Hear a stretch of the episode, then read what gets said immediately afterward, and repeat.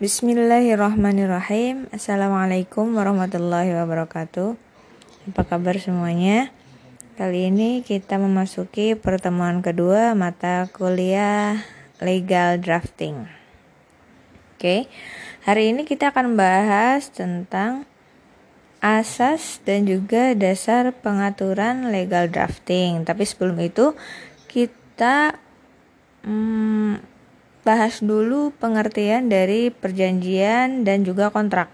Sebagaimana yang saya jelaskan minggu lalu bahwa kontrak lingkupnya ada dalam lingkup perjanjian. Jadi setiap kontrak pasti di dalamnya ada perjanjian, tapi perjanjian lebih luas daripada kontrak. Jadi tidak setiap perjanjian itu kontrak. Baik. Kita mulai dari pengertian perjanjian terlebih dahulu. Nah, di sini lagi-lagi saya menggunakan banyak istilah hukum karena di sini berkaitan dengan apa yang diatur dalam hukum perikatan yang mengatur tentang perjanjian. Ya, Sudikno Mertokusumo, ini profesor hukum Indonesia ya, e, mendefinisikan bahwa perjanjian adalah hubungan hukum antara dua pihak atau lebih berdasarkan kata sepakat untuk menimbulkan suatu akibat hukum. Nah, hubungan hukum itu banyak sekali, bukan hanya dalam ranah bisnis, bisa jadi hubungan hukum yang timbul karena adanya eh, hubungan suami istri, gitu.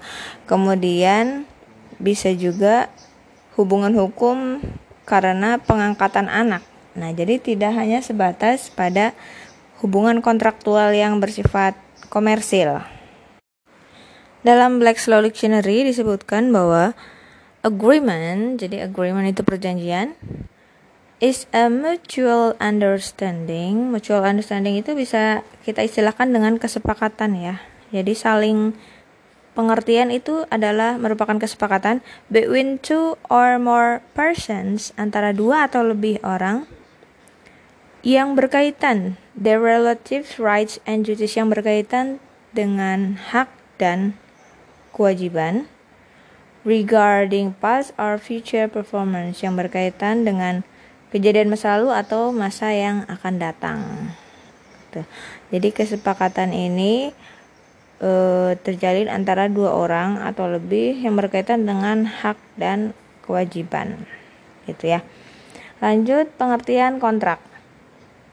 Nah, di sini disebutkan bahwa kontrak adalah an agreement. Dari pengertian ini, kita sudah bisa uh, melihat bahwa an agreement. Nah, di sini kontrak itu merupakan sebuah bentuk khusus daripada perjanjian ya an agreement between two or more parties creating obligation yang di mana dua pihak tersebut menyepakati sebuah uh, obligation, kewajiban-kewajiban yang harus mereka laksanakan yang dapat dipaksakan that are enforceable or otherwise recognizable at law.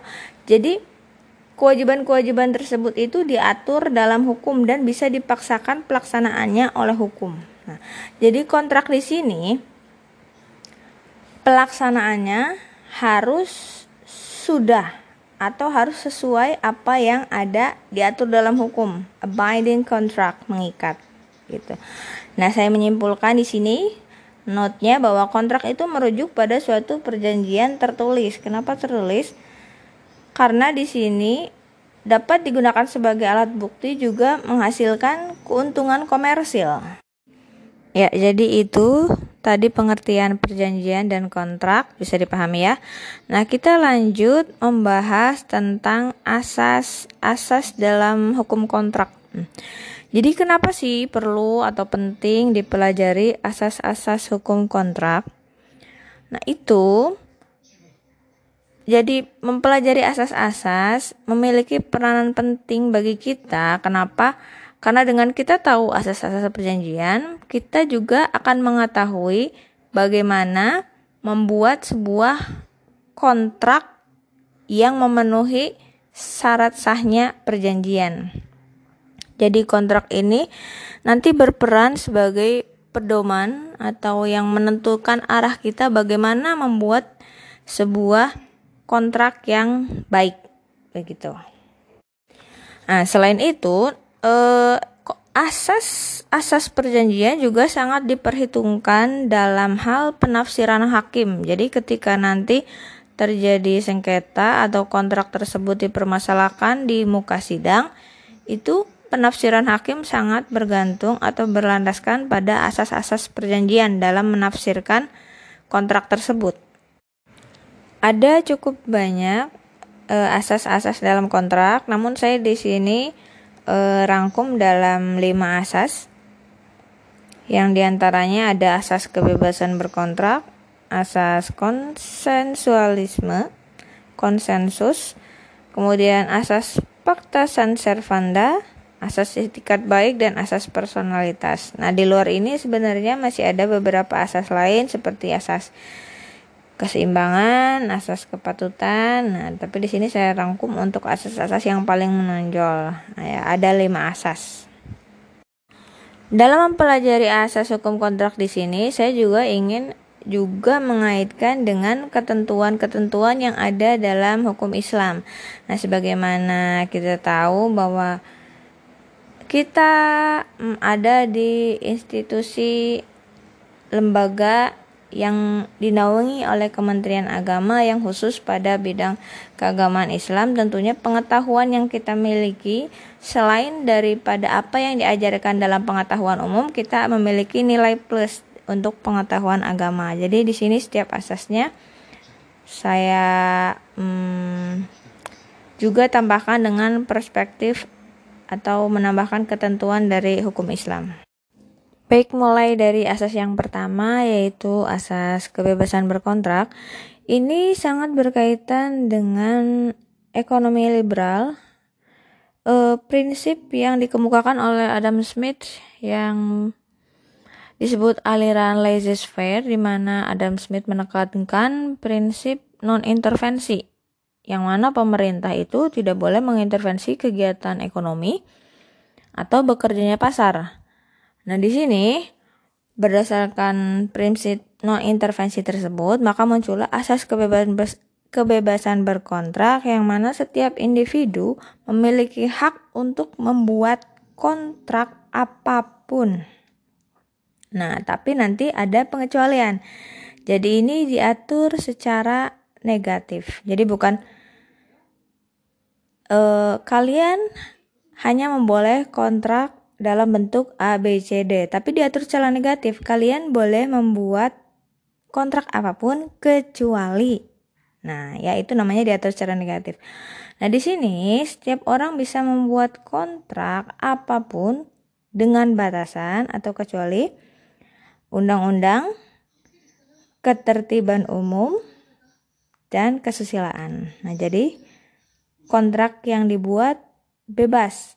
Apa pun itu yang penting tidak melanggar undang-undang, ketertiban umum, dan kesusilaan.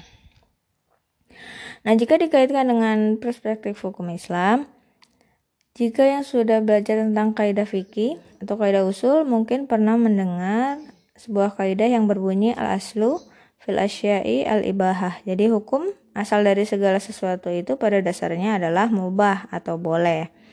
Akan tetapi ada batasannya yaitu pada syariat. Nah, segala sesuatu boleh kecuali yang dilarang oleh syariat. Begitu. Itu tadi asas kebebasan berkontrak. Nah, kemudian asas konsensualisme. Konsensus itu artinya sepakat. Yang berarti bahwa setiap perjanjian yang ada dalam kontrak itu harus memenuhi kesepakatan dari para pihak. Nah, indikator sepakatnya itu apa? Indikatornya berarti dalam perjanjian itu tidak boleh ada paksaan, tekanan, penipuan, atau misstatement. Misstatement itu salah mengartikan kontrak. Nah, itu indikator dari sebuah sepakat. Nah, kalau ada paksaan, tekanan atau penipuan berarti tidak terpenuhi asas konsensualisme dalam kontrak tersebut. Dalam hukum Islam pun diatur dalam surah An-Nisa ini ayat 29 disebutkan ya ayyuhalladzina amanu la ta'kulu amwalakum bainakum bil batil illa an takunu tijaratan antaradim minkum. Jadi janganlah kamu saling memakan harta sesama dengan jalan yang batil.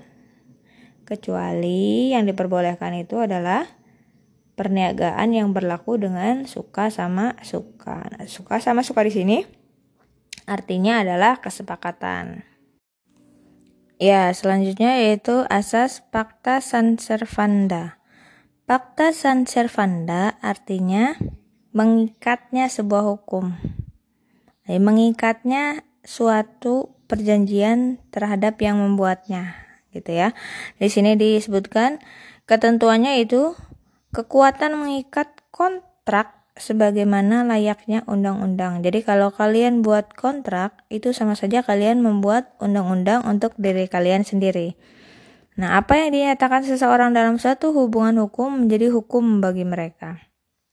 Nah, kontrak itu merupakan undang-undang bagi pembuatnya dalam KUH Perdata 1338 atau ayat 1338 disebutkan bahwa Kesepakatan, ya, kesepakatan yang dibuat secara sah berlaku sebagai undang-undang bagi yang membuatnya. Artinya apa? Di sini setiap kontrak itu harus dipatuhi mengikat secara hukum.